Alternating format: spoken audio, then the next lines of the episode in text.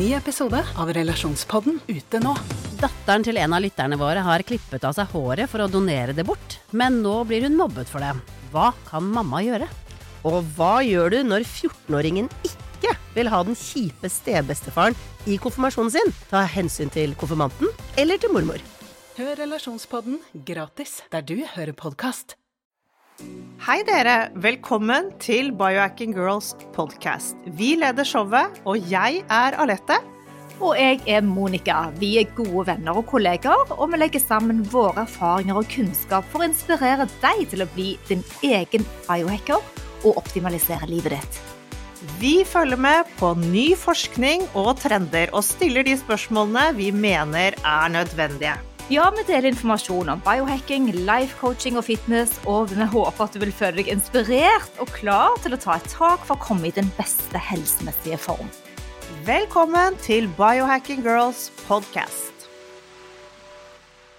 Denne uken snakker vi om traumer og stress, og hvordan dette kan lede til uro og sykdom og forvirring. Ja, traumer de kan sitte dypt, og det kan gå så langt at de kan endre vårt DNA faktisk, uttrykket, og direkte lede til sykdom. Dette er jo fordi vårt DNA det fungerer på mange måter som et kart over kroppene våre. DNA-et gir jo beskjed til cellene på cellenivå hvordan de skal agere og også håndtere ting. Så når vi opplever traumer, så endres miljøet i oss, i kroppene våre, betraktelig, og vårt DNA vil tolke dette stresset og lese kroppen din som er enda mer stresset.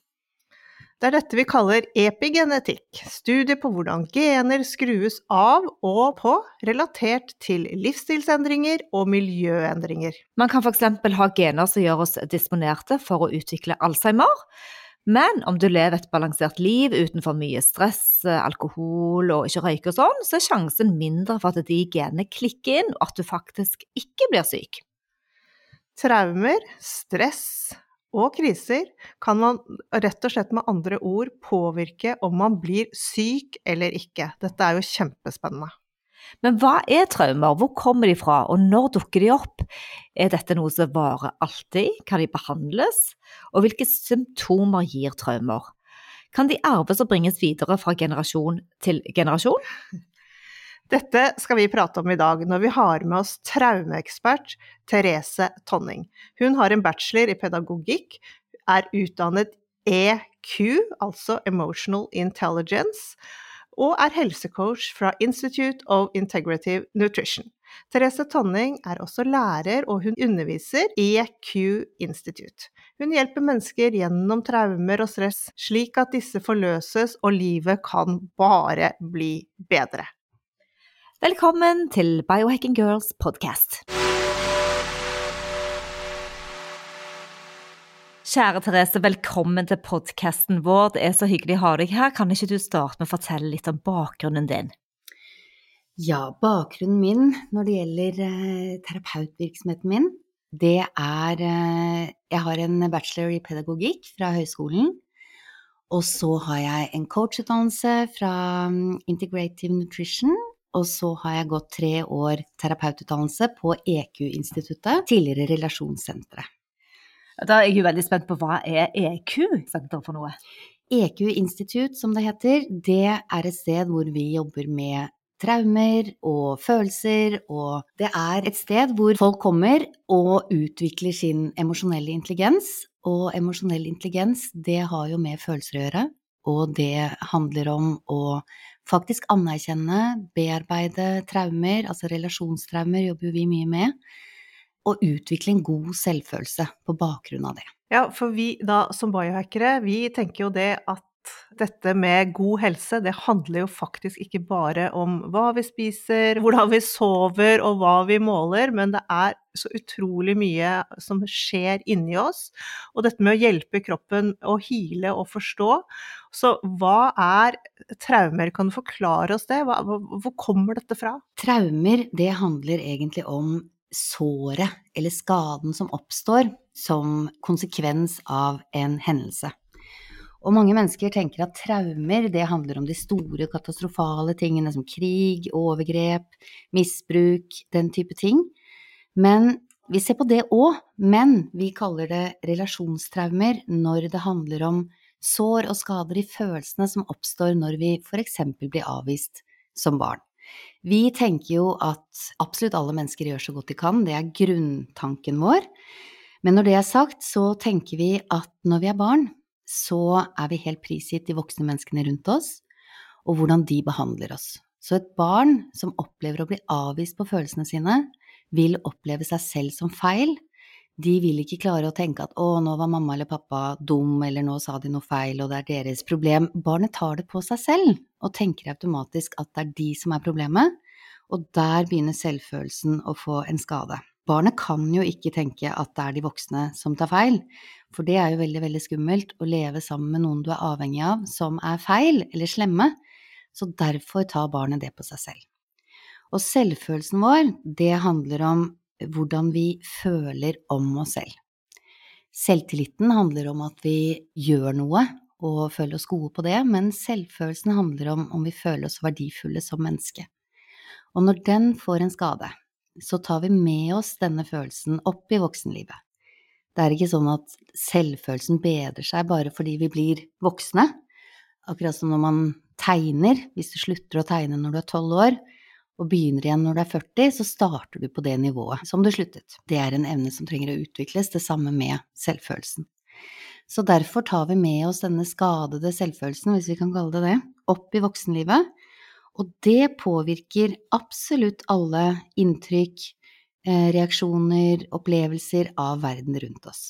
Hva er da forskjellen på en traume og sånn bare sånn stressrelaterte lidelser som vi også opplever? Traume, det er en reaksjon i kroppen, et sår som ikke heles. Stressreaksjon, det er en reaksjon som gir kroppen et signal om eksempel du er i fare, eller du trenger å roe ned, eller det er en impuls som gir oss en beskjed. Men et traume er et sår som setter seg fast. Sånn som jeg ser det, så er det ikke sant, alt er energi. Eh, alle følelser av energi, og når de blir stuck i kroppen, i nervesystemet, så sitter de fast, og kroppens beredskap, den bare står og henger.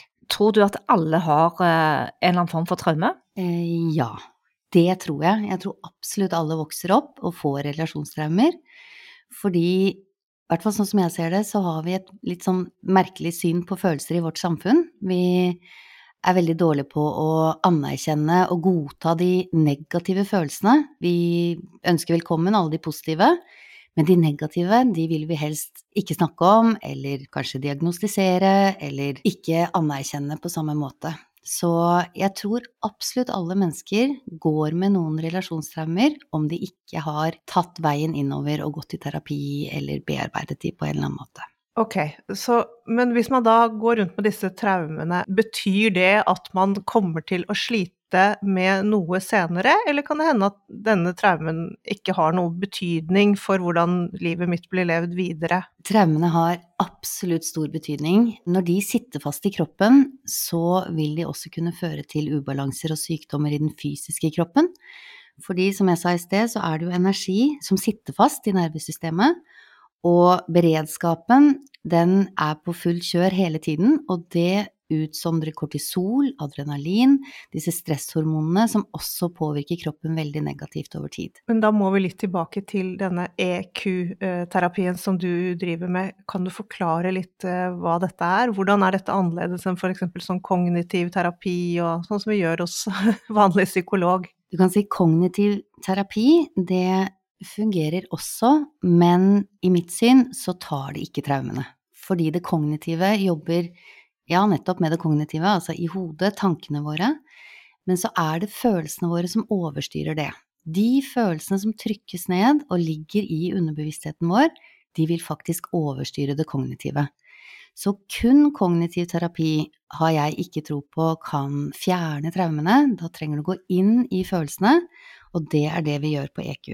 Jeg vil be deg lukke øynene og puste ned i magen din, og med en gang du lukker øynene og puster ned i magen, så vil kroppen og underbevisstheten din begynne å snakke til deg.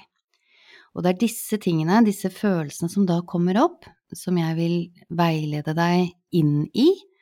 Og da vil du møte for eksempel lille deg som opplever noe skremmende, trist, vondt, et eller annet du har opplevd som førte til et relasjonstraume. Og sånn som vi jobber, så er det det at vi har en tro på at du er nødt til å føle alle de følelsene som du en gang har trykket ned, for at de skal slippe fri. Ut av nervesystemet ditt, ut av kroppen din.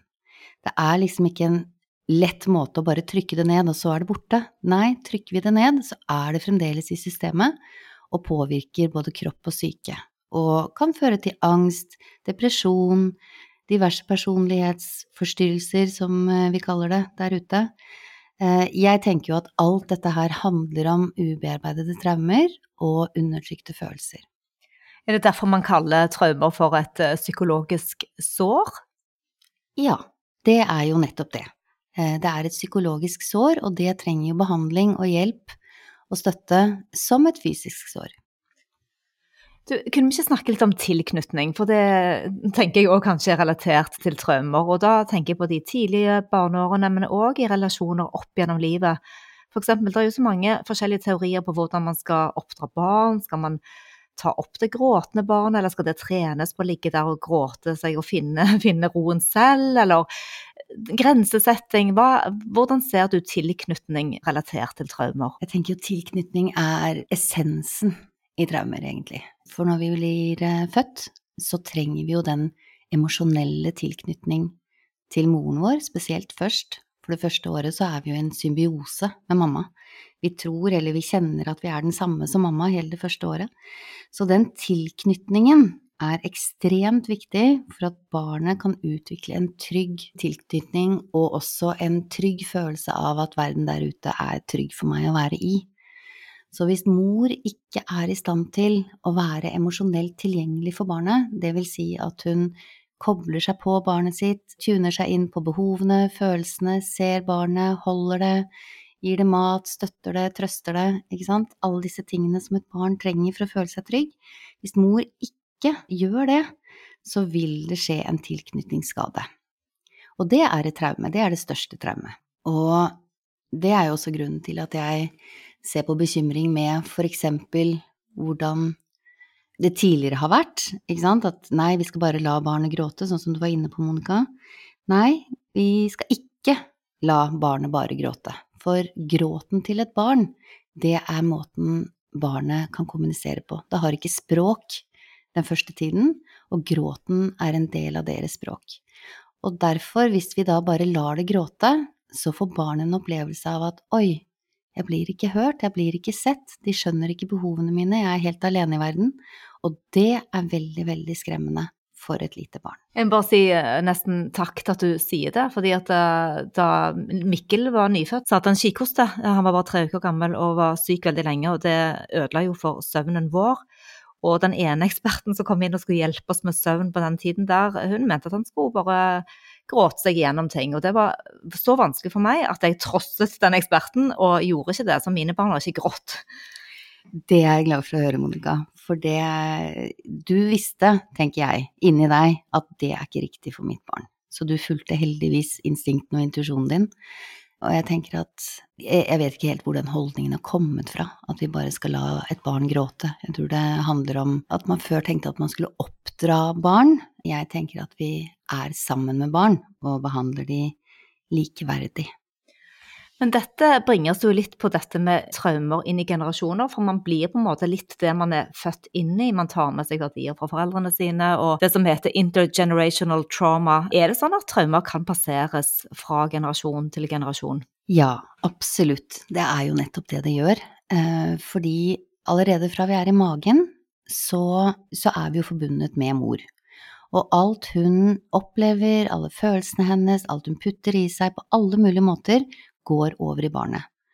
Tilbake til det jeg sa i sted, alt er jo energi og impulser, og alt moren opplever, går rett inn i barnet og preger hvordan deres DNA, deres følelser, deres nervesystem, deres alt utvikler seg.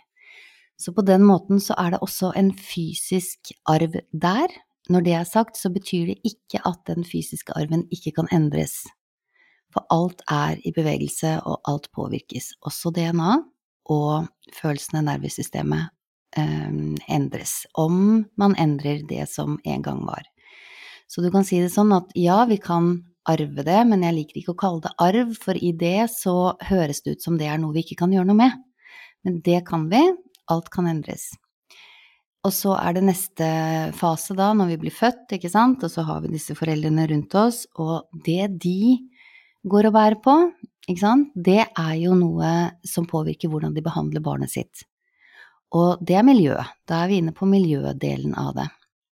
Og det barna opplever, hvordan det blir behandlet, det vil jo prege selvfølelsen, som jeg sa i sted.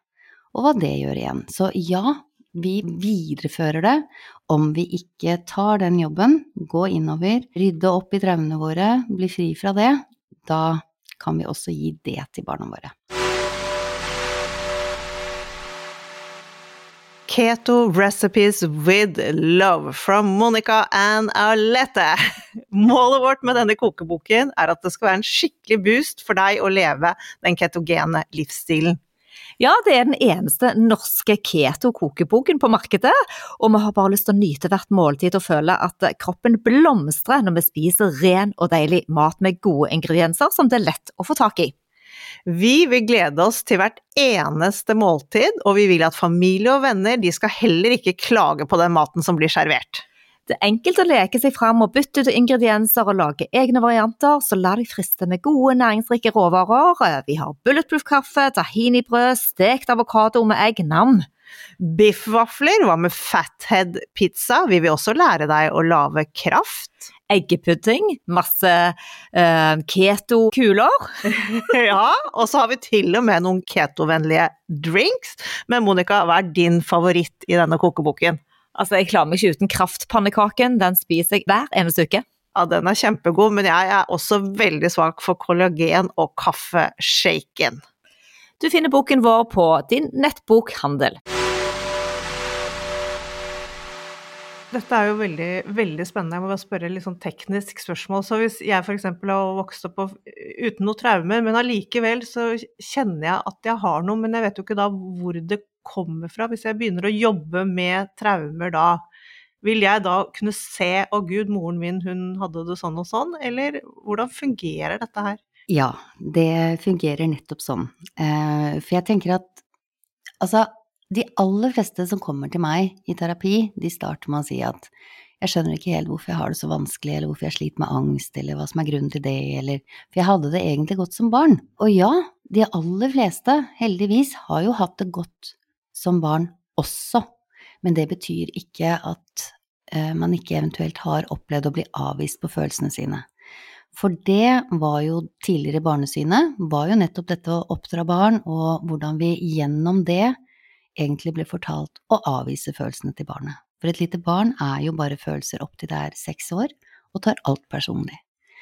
Så når man begynner i terapi, så ser man jo gjerne at oi, ja, jeg ble jo faktisk avvist på følelsene mine, ikke sant, og så er det jo det som er det største relasjonstraumet, å bli avvist på følelsene. Det er jo det som preger selvfølelsen vår, det er det som preger stressnivået i kroppen, det er det som preger alt. Så gjennom å gå den veien selv, begynne å jobbe med sine egne traumer, gå tilbake i barndommen, så ser man jo også gjerne foreldrene sine i et annet syn. Man forstår mer hva det er som har preget dem.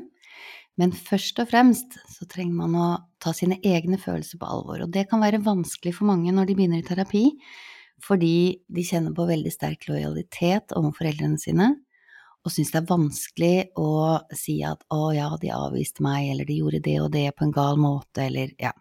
Men det er faktisk helt nødvendig for å forløse traumene. Fordi da, når vi er i stand til å se det, så er vi i stand til å få tak i våre egne følelser i den situasjonen. Og det er jo det som er så viktig å ta på alvor. Ta de følelsene som faktisk ble skapt, på alvor for å forløse de. Og det handler jo ikke om at man bebreider foreldrene sine, eller tilbake til det jeg sa i sted, alle gjør så godt de kan. Ikke sant? Hadde man visst bedre, så hadde man gjort annerledes. Og det gjorde foreldrene dine også.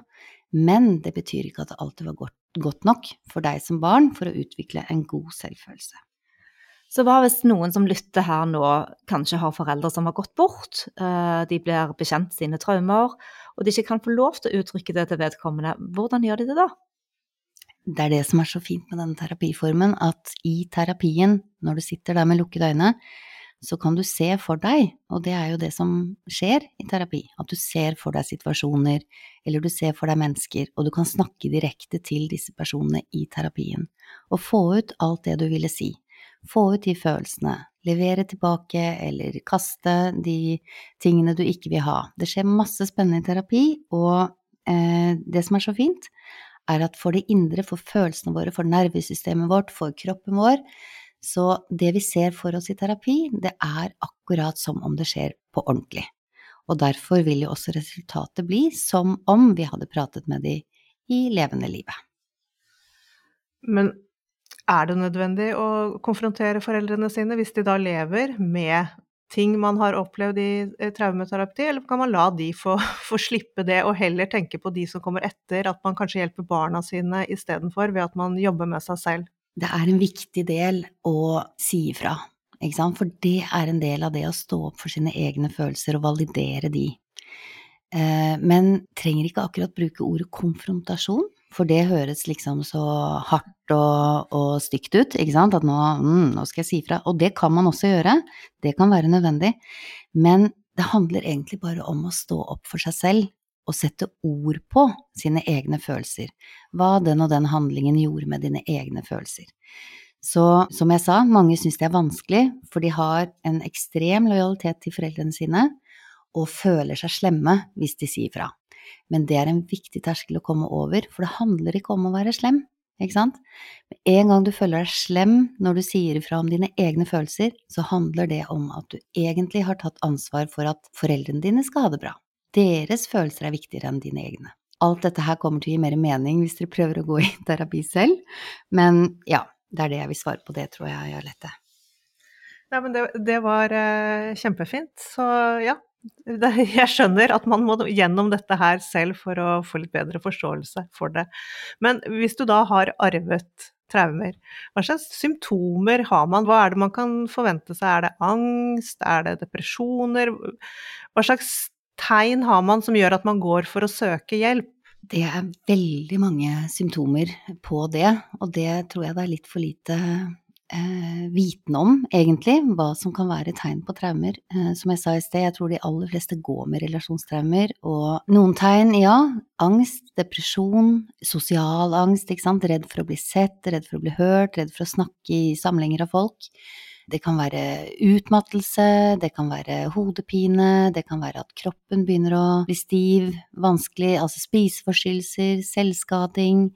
Utrolig, utrolig mange symptomer på at det er følelser som sitter fast i systemet. Når du snakker, Therese, så ja, jeg tror både meg og Lette tenker veldig på Gabor Maté. Eh, fordi at eh, vi har hørt eh, og lest mye av hans teorier, og det er jo sammenfallende. Hvordan tenker du at det du gjør, eh, ligner på det som Gabor Maté jobber med? Det er interessant at du nevner han, eh, Monica, fordi han var jo en av de vi snakket om når jeg gikk på relasjonssenteret, når jeg eh, startet der. Han har jo skrevet en bok som heter Når kroppen sier nei, og han snakker veldig mye om hvordan følelser og kropp henger sammen. Så ja, det er en av bøkene jeg vil anbefale, faktisk. Han sier at det å undertrykke traumer og følelser, det er å undertrykke immunsystemet. Hva tenker du om det?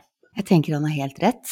Uh, som jeg var inne på i sted, når vi har en, uh, en, stressreaksjon eller traumer som sitter i kroppen, så produserer jo kroppen kortisol, blant annet. Og kortisol er jo noe som over tid påvirker immunforsvaret negativt. Det vil si at immunforsvaret går ned, og vi er mer mottagelige for sykdommer, og hvordan det også bryter den fysiske kroppen ned. Så dette henger veldig, veldig tett sammen. Dette med hjernen, da, for vi er jo interessert i å høre om eh, det som kalles for hjernens immunsystem. Hvordan traumer påvirker den? Jeg tenker at alt, alt henger jo sammen. Hjernen, nervesystemet, kroppen, skjelettmuskler, organer. Altså vi har det parasympatiske, sympatiske nervesystem, somatiske, autonome nervesystem. Altså alt henger sammen.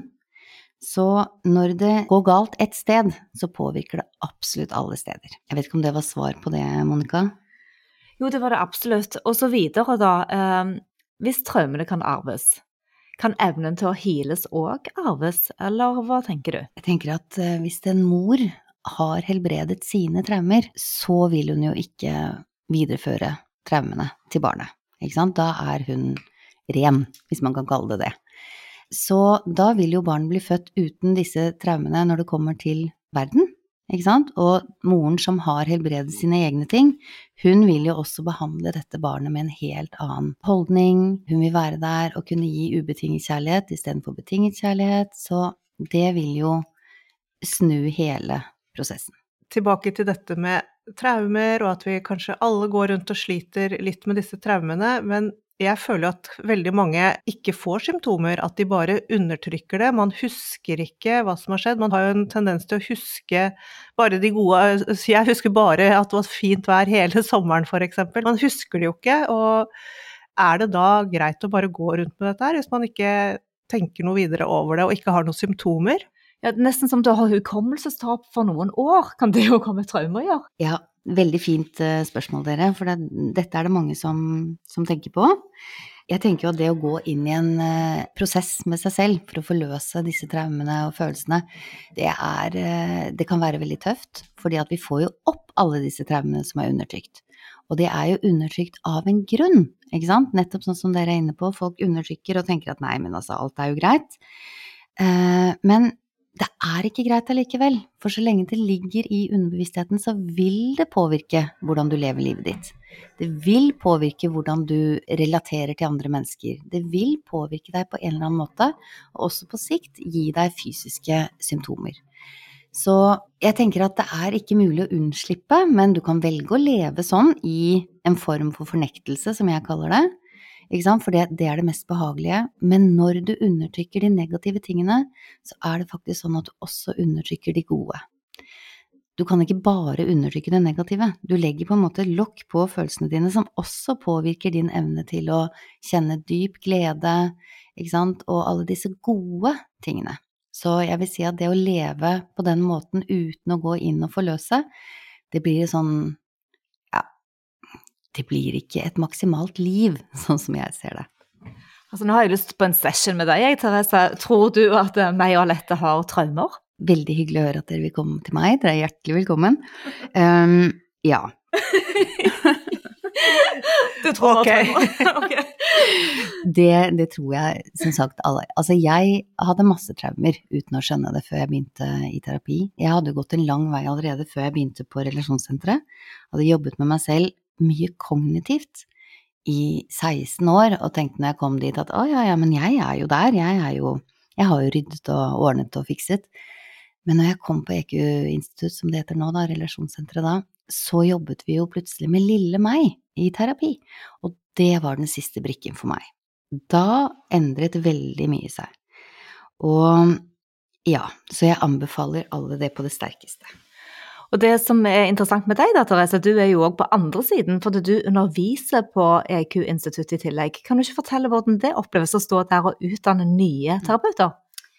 Og det syns jeg er utrolig spennende. Jeg elsker jobben min, det gir så mening å jobbe så nært med mennesker, eh, få lov til å være vitne til deres såre minner, gå gjennom de, omfavne lille seg og få det mye bedre. Det er veldig inspirerende. Hvor, eh, hvis folk har lyst til å komme til deg, hvor mange ganger må man komme? Eh, det er jo selvfølgelig ingen quick fix, det mener vi òg. I alle, både når det gjelder trening og mat og søvn, så må man jobbe strategisk. Men blir man bedre litt fort, eller kjenner man lyst til å komme tilbake? Med, eh, altså, er det noe du kan selge inn her, sånn at vi får lyst til å begynne på denne litt vanskelige reisen og gå inn i traumene? Eh, jeg eh, tenker at dette er en terapiform som virkelig fungerer. Det vil si at når du har jobbet med deg selv i la oss si ca. et år, da, hvis jeg tenker på alle de som har gått hos meg, eh, så ser jeg at liksom etter et år, halvt år allerede, men kanskje si det går et år, så har det skjedd ekstremt mye med deg. Og du vil ha verktøy, du vil ha en helt annen måte å være i verden på, som hjelper deg videre på prosessen. Prosessen er ikke over etter et år, men du vil ha det veldig, veldig mye bedre etter ett år.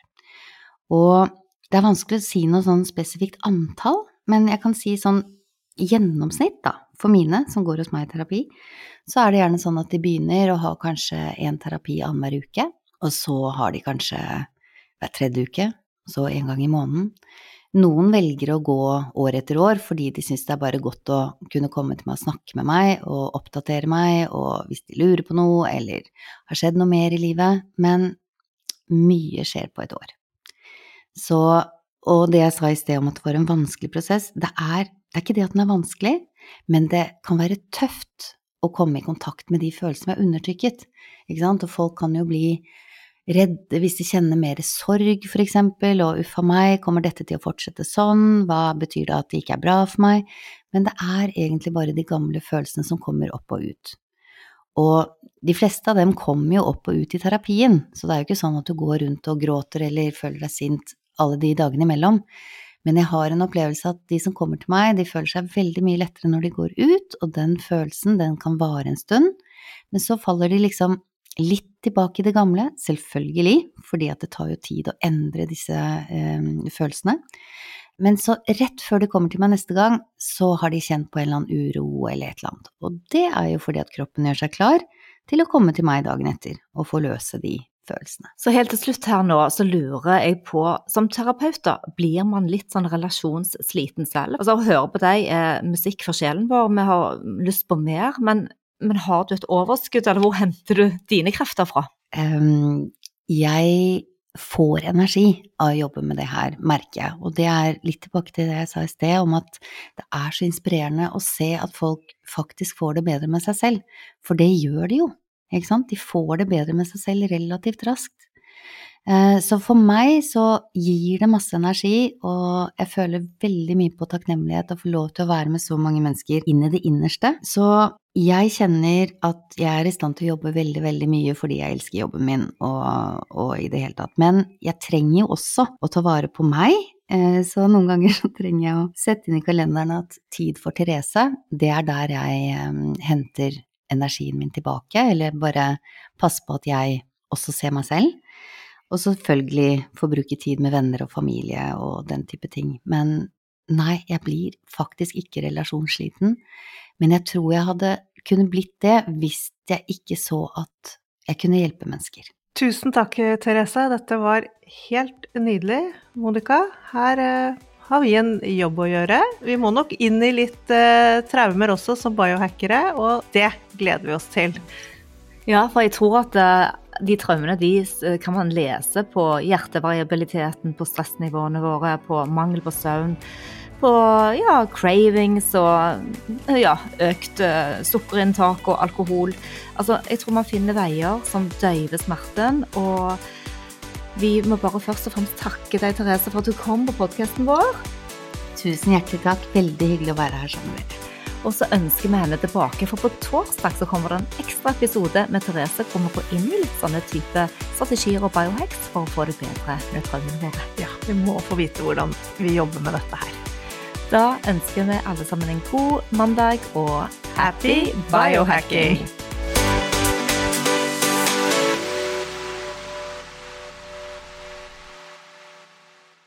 Vi minner om at dere må snakke med egen lege eller kostholdsveileder om dietter og andre spørsmål relatert til medisiner og supplementer. Informasjon vi deler kan ikke bli brukt til å diagnostisere, behandle, forebygge eller kurere noen sykdommer eller tilstander.